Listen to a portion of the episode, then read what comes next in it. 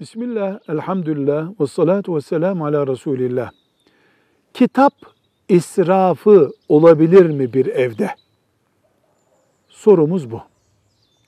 Evet, ekmek çöpe atıldığında, elektrik, su, gaz fazla tüketildiğinde, yani gereksiz tüketildiğinde israf sayıldığı ve o israf günah olduğu gibi kitaptan da israf olabilir.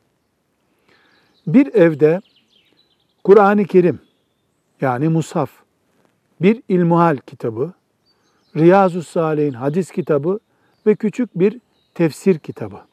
Bunlar ekmek peynir gibi bulunması gereken şeylerdir.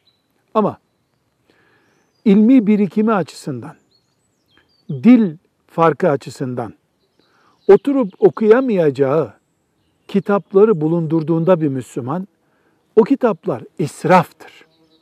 Çocuğunu hazırlıyor, çocuğunu yetiştiriyor ayrı bir mesele. O israf olmaz. Ama bu kitap değerlidir diye alınmış, 10 yıldır okunmuyor.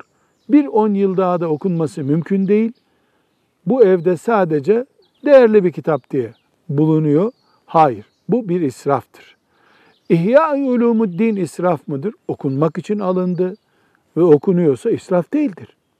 Ama okunma ihtimali olmayan kitapların bir evde bulunması hangi konuda olursa olsun, dini kitap olur, beşeri kitaplar olur, israftır. İsraf caiz değildir. Velhamdülillahi Rabbil Alemin.